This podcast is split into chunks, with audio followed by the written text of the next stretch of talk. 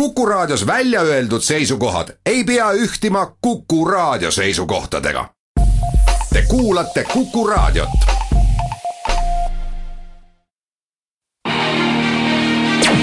äripäev eetris.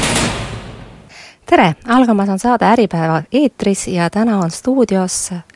Äripäeva ajanik, ajakirjanikud Kristel Härma, Igor Rõtov ja Vilja Kiisler täna küsime saates klassikalist küsimust, mis meist saab ja küsida on põhjust, sest äh, riigivõlg ja negatiivsed intressid on teema, mis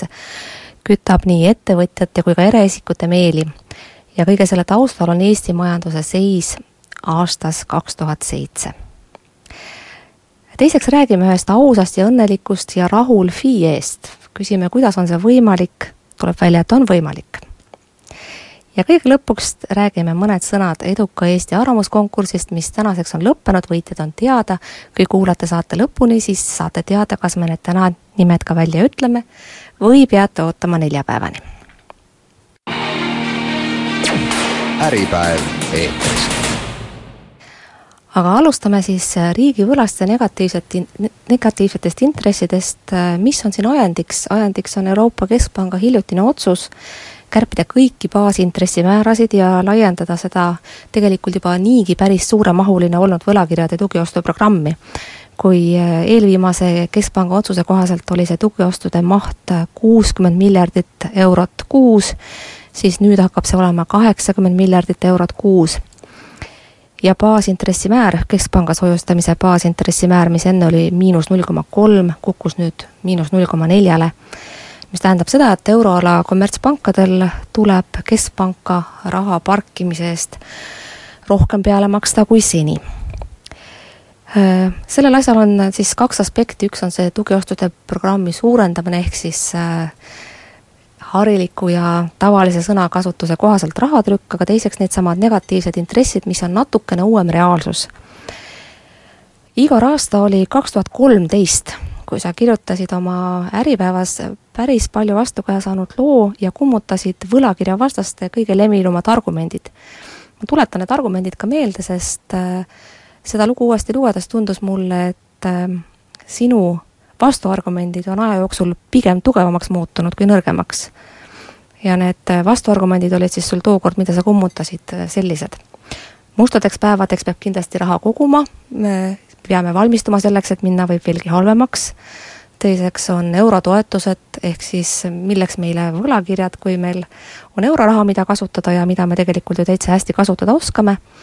kolmandaks see hirm, et meil võib minna nagu Kreekal,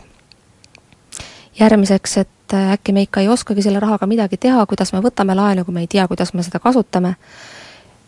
siis veel see, et laenuring on midagi säärast, millest ei kipu välja saama riigid, kes on laenu võtma hakanud nende laenusummad kipuvad järjest suurenema ja, ja viimaks see jääb ju kõik tulevatele põlvedele maksta, oleks meist ju väga ebaõiglane, kui me kui me tänase heaolu nimel koormame oma lapsi ja lapselapsi sellega, et nemad peavad meie võlgu tagasi maksma. Äh, Igor, kas sinu tollasest argumentatsioonist on äh, midagi jäänud, midagi, midagi muutunud, ma kujutan ette, et põhiosa võiks olla paigas jah, põhjus on paigas, et nad tegelikult on läinud, eh, need argumendid isegi tugevamaks aga ma ikkagi vaidlen sulle vastu, et, et kindlasti mina ei ole siin ekspert või argumenteerija, et mina olen ikkagi ajakirjanik ja ma annan endale aru, et iga vilunud poliitik või majandusteadlane on minust nagu palju targem. aga mina olen uudishimulik ajakirjanik ja proovin neid eh, fakte, fakte selgitada, erinevaid nagu allikaid kuulata ja siin neid tulemusi teeb, et et mina oma oponentidele ütle, ütlen alati selgelt välja, et loogiliste argumentidega on mind ka alati võimalik ümber veenda ja kutsun kõiki, kõiki seda tegema tegema.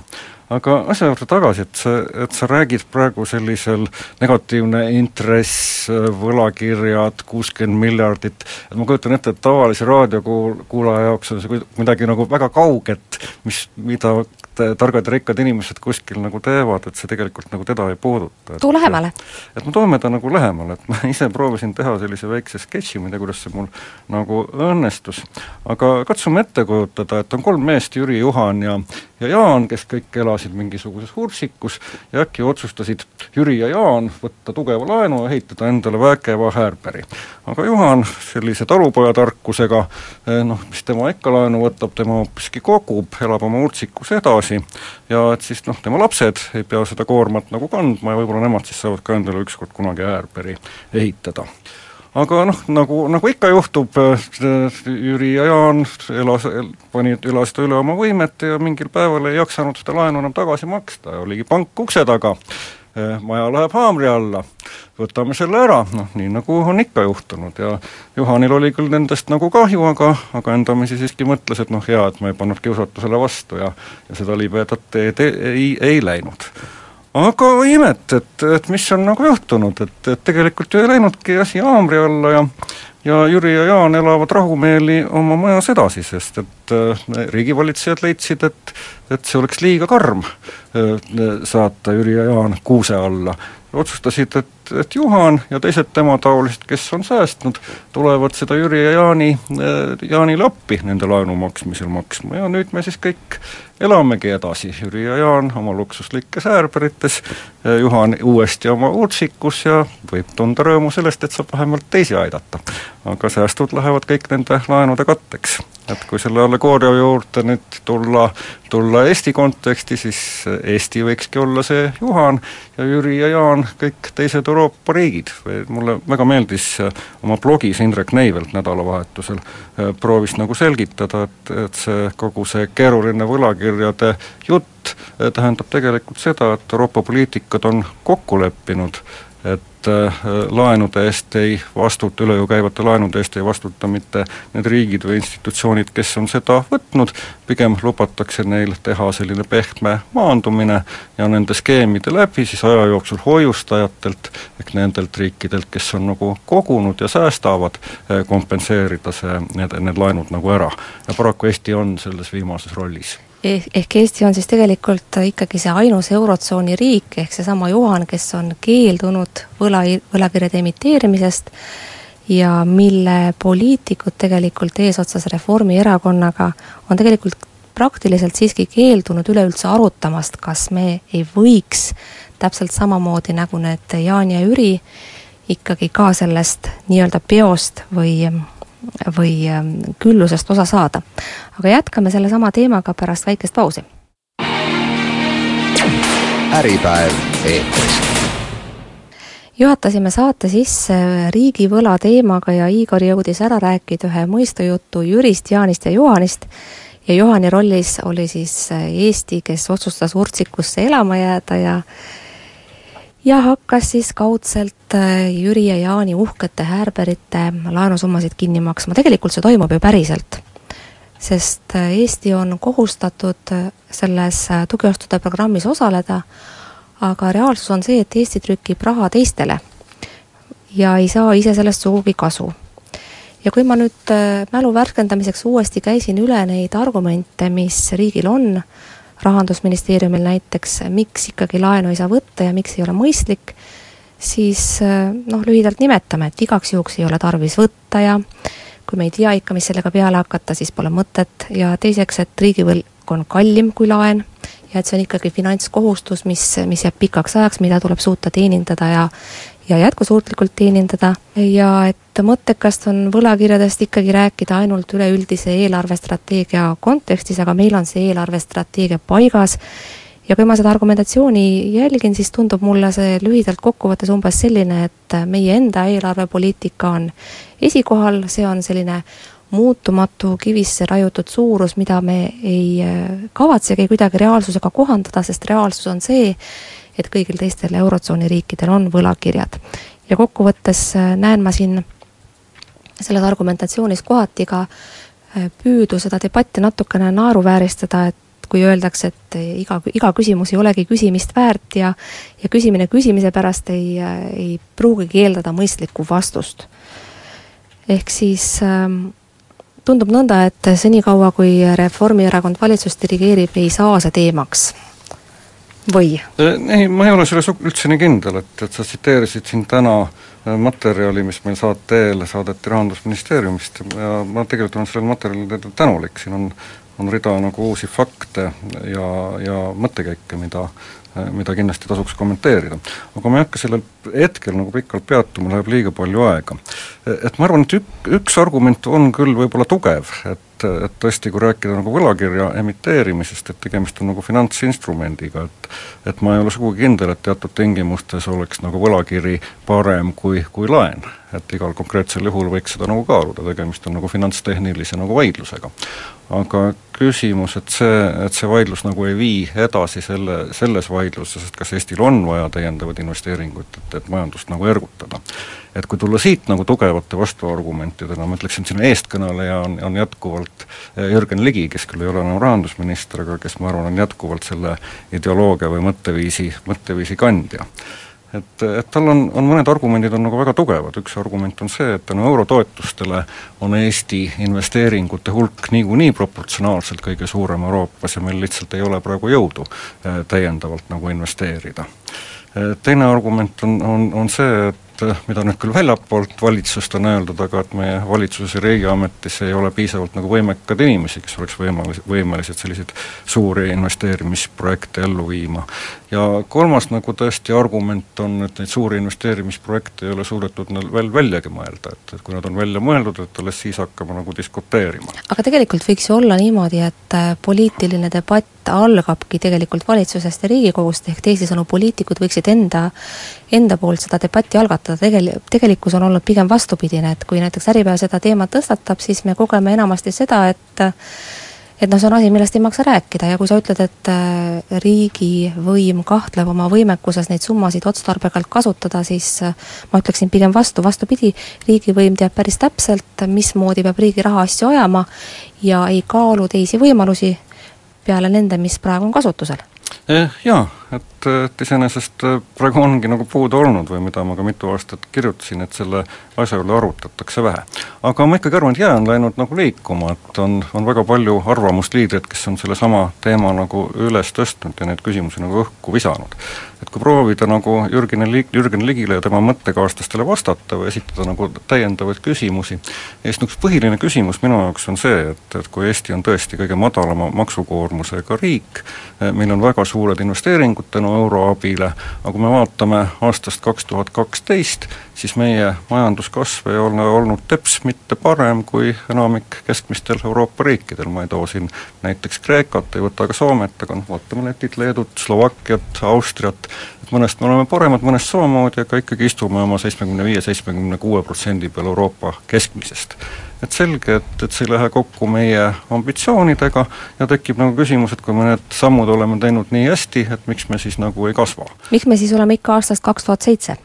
Äh, kaks tuhat seitse, no see on, äh, ma, kui ma oleksin nüüd Jürgen Ligi, et ma vaidleksin sulle vastu, et, et sa vaatad äh, skp numbrit absoluutväärtuses, et, et selle aja jooksul on meid, meid ka nii-öelda vähem ja kui, kui me vaatame minu või sinu palka võrrelduna aastast kaks tuhat seitse, siis ta on ikkagi natukene praegu tõusnud nagu enamikel Eesti, Eesti inimestel, et, et kaks tuhat seitsmega võrreldes meil on tõesti mingisugune tõus olemas. Aga selles mõttes nõus sinuga, et et see tõus ei ole üldse selline, et et, mida me ootasime, et kui me kahe tuhande üheteistkümnendal aastal võtsime kasutusele eurod, euro olime väga uhked selle üle, et oma säästliku poliitika üle, et olime kriisist nagu edukalt välja tulnud ja oleks nagu eeldanud, et, et võtame need dividendid välja, majandus läheb kasvama, aga praegu me oleme nii-öelda liikunud külgsuunaliselt ja keegi ei saa õieti aru, miks see on nii toimunud. Ja nagu sellist avalikku debatti, et sellest klaaslaest nagu välja murda, ei ole õietigi nagu äh, alustatudki, et, et ma arvan, et, et noh, meie kui meedia funktsioon, siis meil, meie võimuses ei ole ühte või teist tõde kuulutada või ise nagu poliitikat teha, küll aga me saame selle eest nagu hea seista, et, et need teemad leiaksid nagu suurema kandepinna ja nende küsimuste arutatakse, vaieldakse põhjalikumalt läbi Need meetmed on ju kasutusele võetud sellepärast, et Euroopas praegu äh, nähakse, et äh, majandus peab turgutama, siis äh, miks ei, ei peaks seda tegema ka meie siin Eestis, kui tõepoolest meil majandus on siis omadega aastast kaks tuhat seitse. et me näeme juba Euroopa Keskpanga otsusel esimest mõju ka meie väikses riigis, kus siis SEB pank arutab seda, et ettevõtjate hoiustele ka siis negatiivne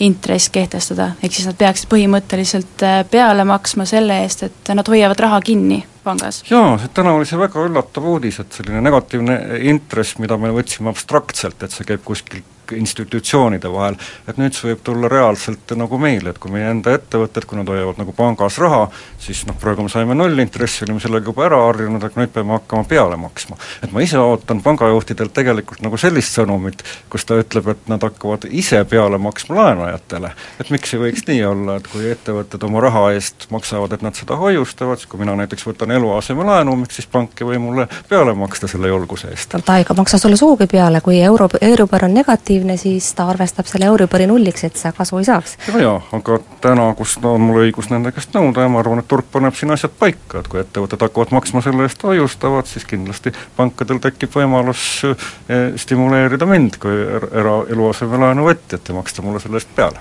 selle üle, mida ettevõtjad võiksid ja peaksid selles olukorras tegema, räägime võib-olla pärast pausi, aga ma peatun korra nendel ettevõtjate reaktsioonidel, mis olid tegelikult üsnagi, üsnagi vaenulikud, täiesti inimlikult arusaadavad, arusaadavalt ja tegelikult ka eraisikutel on äh, tekkinud hirm, et varem või hiljem jõuab see nendeni ja see hirm on täiesti õigustatud. ehk siis äh, need inimesed, kellel, kellel on praegu suured hoiused ja tegelikult Eesti kodumajapidamiste hoiused on ka päris suured, tekib see oht, et et nad peavad maksma selle eest, et raha pangas hoida ja ettevõtjad siis peavad seda samamoodi tegema, aga äh, missugune on nagu lahendus, et päris mitu ettevõtjat, kes Äripäevale intervjuu andsid, ütlesid, et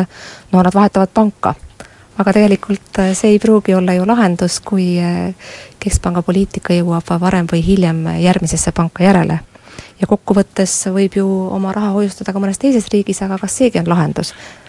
Äh, mina ei tea, et ärevust see tekitab, et, et mul tuleb üks vana võrdlus meelde, et kus üks pankur ütles, et ta ei saa aru, kuidas selles olukorras käituda, et ta tunneb ennast nagu vilunud sõidukijuhina suurlinna keskel, kes äkki koos kõigi teiste autodega peab hakkama manööverdama tagurpidi et, et sellega toime tulla, et, et dimensioon on nagu selgelt, selgelt nagu muutunud, tegelikult mis täpselt nagu juhtuma hakkab, seda ei ole kunagi nähtud ja ja, ja seda me näeme alles nagu tulevikus. aga üks on, üks on küll minu meelest nagu selge, et, et, et see on meeletu hulk, see on kuskil vist varsti viis miljardit eurot, mida mida, mida on Eestis nagu hoiustatud ja see viis miljardit eurot on tegelikult just nimelt see raha, mida siis nagu eh, minu e-, eelnevalt mainitud nagu Juhan eh, peab siis nagu hakkama tagasi maksma nendele kreeklastele ja teistele, kes on ohjeldamatult nagu laenu võtnud, et et ma arvan, et nii ettevõtete jaoks kui ka eraisikute jaoks on nagu praegu väga selge, et kui Keskpanga president Mario Draghi pa-, palub meid, et investeerige, pange see raha käibesse, noh teeme seda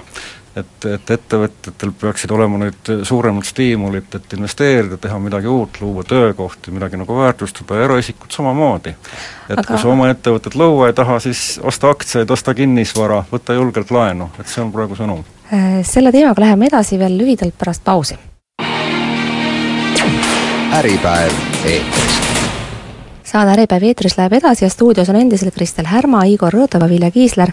saate esimeses osas jõudsime rääkida riigivõla teemast, selle võla võimalikkusest ja võib-olla ikkagi ka vajalikkusest Eestis ja jõudsime välja sinnamaani, et negatiivsed intressid puudutavad ettevõtjat juba praegu ja varem või hiljem jõuavad nad ka eraisikuni, mis on ilmselt ajalooline paratamatus ja, ja uus reaalsus, millest tuleb hakkama saada. ettevõtjad on igatahes keerulises olukorras sest äh, neil tuleb nüüd ju järele mõelda, mida teha seisva rahaga, mida on päris palju, tänases Äripäeva veebis näitasime ka graafikut, äh, mis tõendab, et ettevõtjate hoiused on kippunud viimastel aastatel suurenema. aga raha pangas hoida ei ole kahjuks enam üleüldse mõistlik ja küsimus ongi, kas negatiivne intress paneb siis investeerima, sest äh, näiteks Eestis pikalt kehtinud investeeringute maksuvabastus ei ole seda teinud, osa ettevõtjaid ütleb, et nemad ei usu sugugi sellesse, et äh, Euroopa Keskpanga poliitika ettevõtjate investeeringu eelistusi ja, ja soove võiks muuta. et selle kohta Indrek Neivelt on minu meelest tabavalt öelnud, et, et see on kahtlemata väga suur risk Euroopa Keskpangal sellist sammu teha, kuid nad on seljaga vastu seina, et mida siis teha et, et, et mingisugust nagu paremat retsepti praeguses olukorras, et noh, kas kuulutada välja suuremate rea Euroopa riikide pankrot või, või, või muid selliseid nagu ägedaid lahendusi, et need on tegelikult nagu ebarealistlikud. kuidagi tuleb sellest olukorrast välja minna. ja Euroopa Keskpank on tõesti valinud selle, et siis nii-öelda mõõdukalt pumbata hoiustatud raha nende võlgade katteks ja teha kõigile nagu pehme maandumine, mis sealt välja tuleb, me keegi nagu ei tea, aga me elame selles olukorras sellega olen ma iseenesest nõus, et seda, mis välja tuleb, me tõepoolest ei tea negatiivsed intressid on äh, niivõrd uus reaalsus, et et me, me ei tea, mismoodi see, mismoodi see edasi läheb ja, ja missugused on tulemused. ja võib-olla ei ole meil ka ikkagi kaugeltki täit kindlust, et Euroopa Keskpanga rahatrüki mõju on selline, nagu ta oli Ameerikas, kus ta oli mõnevõrra edukam. aga vahetame siinkohal teemat ja räägime, räägime sellisest ettevõtlusvormist nagu FIE Neid FIE-sid ei ole Eestisse just kuigi palju äh, alles jäänud, pigem nende arv on äh, kahanemise trendis. aga tegemist on siis ettevõtlusvormiga, mis äh, vaatamata kõigile peatsetele surmakuulutustele ikkagi, ikkagi veel püsib elus ja leidub koguni üks FIE, kes on aus, kes on põhimõttekindel ja kes on kogunisti väga rahul sellega, et ta on FIE. Kristel, sina kirjutasid reedeses posti-, reedeses Äripäevas toreda loo Kaska-Luiga talu peremehest Avo Kruuslast, kes, kes rääkis väga toredasti ja, ja põhjendas ka seda, miks, miks talle sobib olla FIE mm. -hmm. et äh, kõik jah, tundub äh, nagu väga roosiline, et maksab ju äh, tööjõumakse eelmise aasta põhjal siis näiteks üle kahesaja tuhande euro. aga tegelikkuses ilmselt tahaks ka temagi tegutseda hoopis OÜ-na Äh, sest et äh, tegelikkuses maksusüsteem soosib äh, pigem OÜ, OÜ-na tegutsemist, kui sinu tegevus on kasvanud suureks ja kasumlikuks. et seal on siis näiteks sellised erinevused, et OÜ saab otsustada endal kasumi väljavõtmise ja selle pealt siis kui, kui suures mahus maksab tulumaksu. Aga FIE siis äh, äh, FIE siis äh, maksab enda kasumi pealt nii tulumaksu, sotsiaalmaksu, sotsiaalmaksul on küll siis, on seatud lagi, aga see lagi on siis FIE jaoks selline kõrge palk nagu kuus tuhat nelisada viiskümmend eurot. ja siis on ka selline asi, et tundub, et põllumajanduses ja metsanduses ol-, oleks nagu kasulik tegutseda FIE-na sellepärast et äh, seal on siis äh, töötlemata saaduse, saaduste müügilt äh, tulumaksuvaba miinimum üle kahe tuhande kaheksasaja euro. Tundub ka jälle nagu suur summa võib-olla, aga sellest on kasu ainult väga väikeses mahus ettevõtlusega tegelemisel. et siis Avo Kruuslal, FIE-l, kes tegeleb siis piimatootmisega, kui äh, tema aastane käive on seal üle kolme miljoni euro, siis see kaks tuhat kaheksasada eurot on väga väike summa ja ta ütleb, et äh, kaudselt maksab ta riigile makse äh, palju rohkem, et näiteks keskkonnatasude pealt läheb juba kümme korda roh-, rohkem raha kui see, mis, mis on siis see tulumaksuvaba miinimum ma märkasin siin loos, et, et Kruusla jaoks, selle Aavo Kruusla jaoks on põhiline argument ikkagi FIE-ks jääda see, et ta on oma vara omanik esimesest sendist viimaseni. et talle tundub justkui, et kui ta looks OÜ, siis, siis see vastutus oleks ja omandus oleks kuidagi jagatud. Ja tema jaoks oleks see justkui nagu vara natsionaliseerimine jah, ja et lisaks ka see, et kui ta OÜ-na siis üks hetk lõpetab, et äh, siis nende varade kättesaamine muutub väga kulukaks ja keeruliseks. et eks seal olegi ilmselt põllumeestel äh, juba ka traditsioonidest, harjumustest see, et äh, minu vara on minu vara ja ja maksueksperdid arvavad, et nende FIE-de taga on ka see, et näiteks need põllumehed, kes siis aastal üheksakümmend seitse, kui FIE-ndusega alustati, lõid oma FIE, nad on harjumusest FIE-d aga nii palju, kui mina siis vestlesin Avo Kruuslaga ja lisaks helistas mulle veel üks äh, põllumajandusega tegelev FIE, siis asi ei ole harjumuses, vaid äh, selles, et nad tahaksid nüüd äh, hakata OÜ-ks, aga see on niivõrd keeruline ja kulukas. Nad peavad kõik enda varad notari juures siis ümber vormistama, kõik pangalaenud tuleb siis ka ümber teha et sa arvad, et põhjus, et äh, meil praegu neid äriühingute või tähendab, majandusüksustest, mis tegutsevad, on füüsilised isikud ainult kaheksateist protsenti, et enamik neist eelistaks tegutseda OÜ-na, aga nad ei tee seda lihtsalt sellepärast, et see asjaajamine on nii keeruline. Jah, et see juhtub siis, kui äh, ettevõte või ettevõtmised on muutunud äh, niivõrd suureks, varasid on palju, näiteks üks FIE, kes minuga ühendust võttis, äh, ta ütles, et tal on üle neljakümne kinnistu, tal on peaaegu kolmsada lüpsilehma, et kõik see, selle ümberkirjutamine notari juures, ümbervormistamine, see lihtsalt läheb niivõrd kulukaks.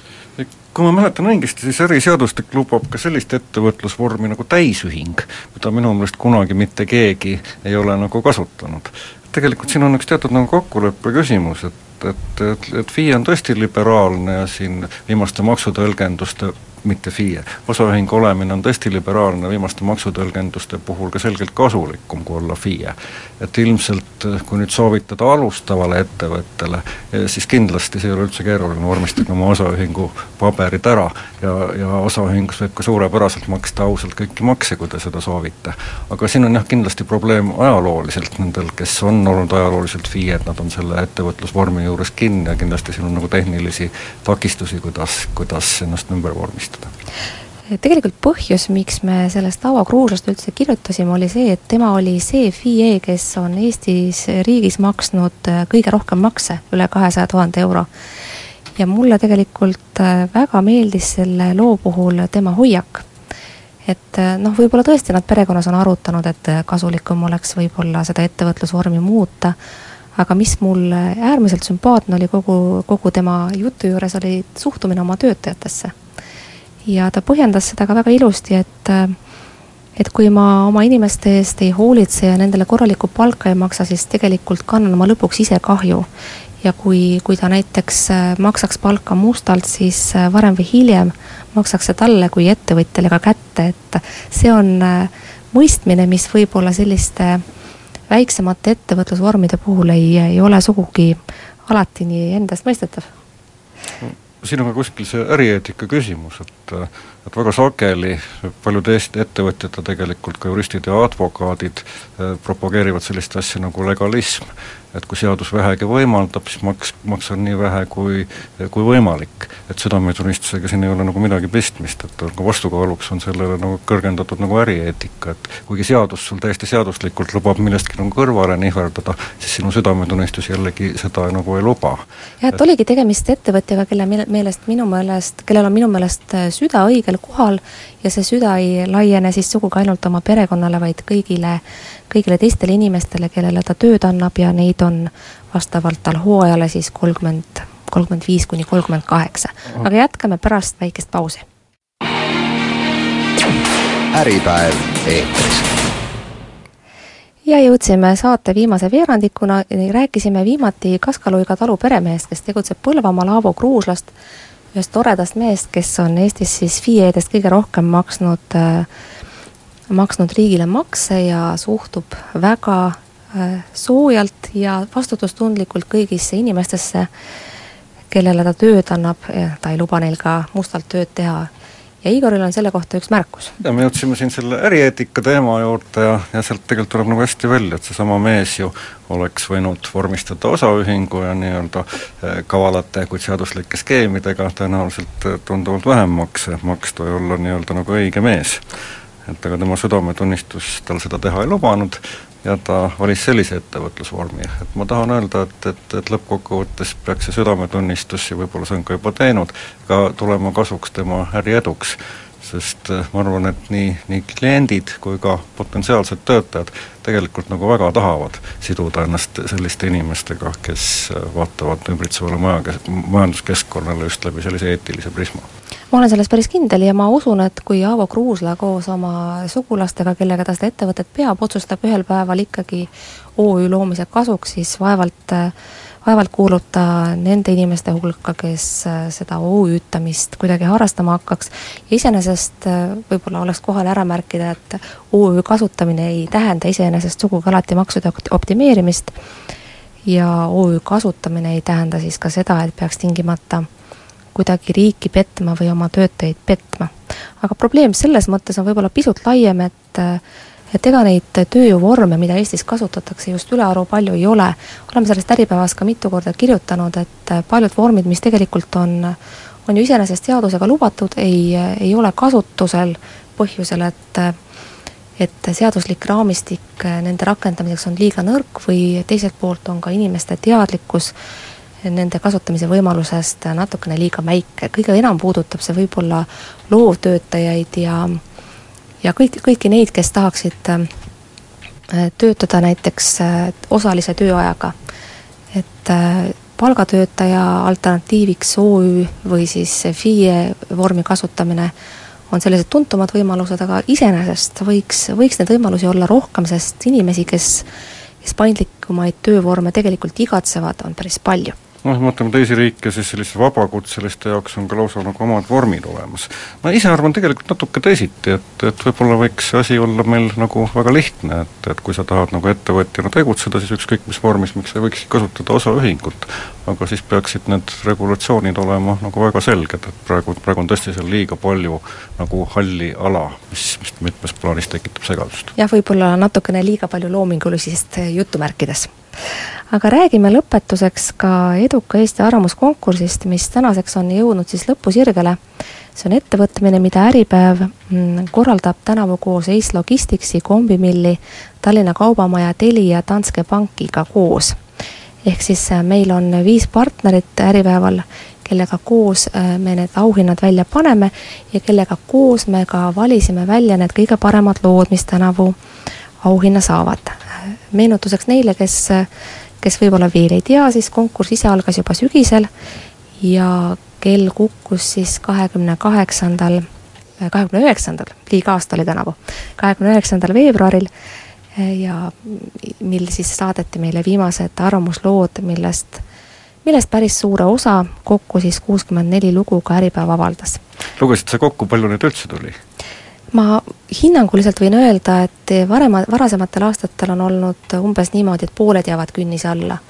aga kuna käib neljas hooaeg, siis iga aasta on nende lugude hulk, mis künnise alla jäävad, tegelikult vähenenud. ja kui ma niimoodi eelmise aastaga võrdlen silma järgi, kõiki lugusid ma tõesti kokku ei lugenud, sest üksi viimasel päeval oli neid kolmkümmend umbes, neid ma lugesin kokku, siis äh, ma usun, et see aasta oli natukene rohkem neid õnneotsijaid kõige vähem õnneotsijaid oli tõenäoliselt eelmisel aastal. aga otsus, eh, kellele anda need auhinnad, sündis siis eelmise nädala reedel, kui meid, meie partnerid ja Äripäev kogunesid žüriisse. ja nii rasket äh, rasket arutelu, kui, kui tänavu ei ole kümne tuhande euro võitja vastavalt siis kolme tuhande euro võitja teisele kohale ja kahe tuhande euro võitja kolmandale kohale, mitte kunagi varem olnud, sest äh, konkursi tase oli, oli erakordselt kõrge ja häid lugusid oli, oli erakordselt palju. nii et me vaidlesime, vaidlesime päris tuliselt, aga samas konstruktiivselt ja jõudsime kokkuleppele nüüd me, Vilja, oleme ebavõrdses olukorras, sina tead, kes võitis, meie võime ainult mõistatada, võime mõistatada, sa ütled, kas on õige või vale. ja otse-eetris ütle, üldse ei ütle ja sulle ka ei ütle, sellepärast et õige aeg, kui see võitja teatavaks saab, on alles neljapäeval, mil toimub eduka Eesti lõpuüritus. küll aga ma võin ära nimetada need teemad, mis sellel aastal olid domineerivad ja tegelikult Äripäeva veebist saab igaüks ise ka vaadata kes on need seitse nominenti, kes siis selle kümne tuhande eurose peapreemia pärast konkureerivad. ma nimetan võib-olla siinkohal nimed siiski ära, sellepärast et need kõik on väga tugevad lood ja ja väga väärt autorid, kelle lugusid te võiksite, võiksite silmata, et võiksite oma seisukoha kujundada. Need on Margus Simson, Mari-Liis Pinn, Maria Jürimäe, Priit Pekarev, Janno Joona, Lea Danilson-Järg ja Priit Alamäe ja kui, kui nüüd leida sellist äh, ühisnimetajat või, või domine-, domineerivat teemat, teemat, siis äh, sellel hooajal oli selleks kindlasti e-Eesti uuendamise vajadus. ja kolm äh, nendest e-Eesti uuendamise ettepanekutest eri nurkade alt küll, kõik väga konkreetsed, aga, aga omal moel, ongi siis Margus Simsoni lugu Riigi e-teenused nähtamatuks Priit Alamäe lugu Personaliseeritud riik, teeme ta kiiremaks ja Mari-Liis Pinn, Päästke meie riik paberikuhja alt. natukene erinevad lähenemised kõik, aga nad kõik lähtuvad ühisest eeldusest, et Eesti e-riik on, on jäänud seisma. on jäänud võib-olla viie, aga võib-olla lausa kümne aasta tagusesse aega, kus me, kus me lähtusime sellest, et ID-kaart on tore ja ja sellest, et valitsuses on arvutid, on midagi enneolematut ja ja et,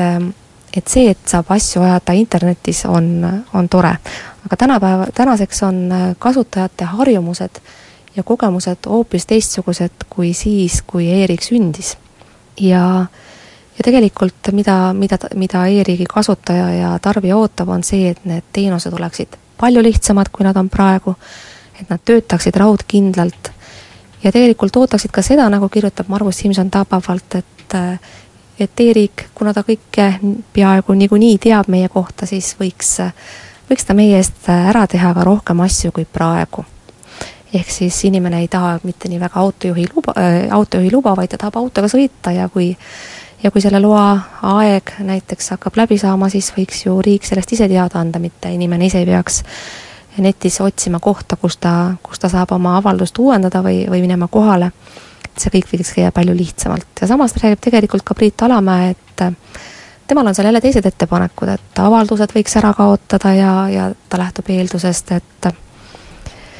et kohustust, millest riik ei ole suutnud äh, isikut teavitada, ei peaks olema olemas. Ja sellest samast kõneleb ka Mari-Liis Pinn, kes äh, isiklike näidete põhjal näitab, kui palju tegelikult selles palju kiidetud e-riigis siiski ametnikud äh, kasutavad oma aega paberi määrimiseks, tema konkreetne kogemus oli siis ämmaemanda juures ja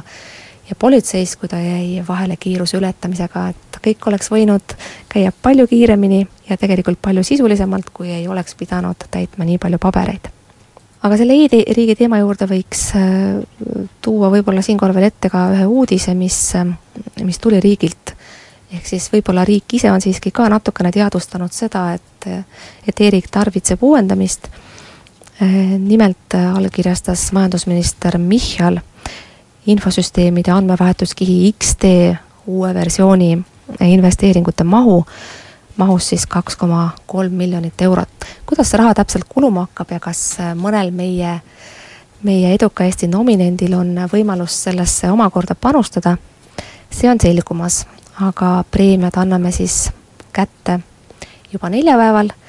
kui võitjad saavad avalikuks. Pange nüüd tähele, et Äripäeva arvamustoimetaja Vilja Kiisler ütles, väga harva seda juhtub, komplimendiga valitsuse ja Kristen Michali aadressil, et ma arvan, seda enam tuleb seda komplimenti hinnata. natuke ütleks ka kaasa, et Vilja, sa oled väga selle eduka Eesti asja sees olnud ja mul on tegelikult nagu toimetusel hästi uhke, et see meie projekt on ajahambale vastu pidanud, on sadu ja sadu inimesi, kes on, on, on meile kirjutanud ja tegelikult võime juba öelda, et kümneid ideid, mis on nii-öelda kaarunud ja hakkavad nagu ellu viima, et äh,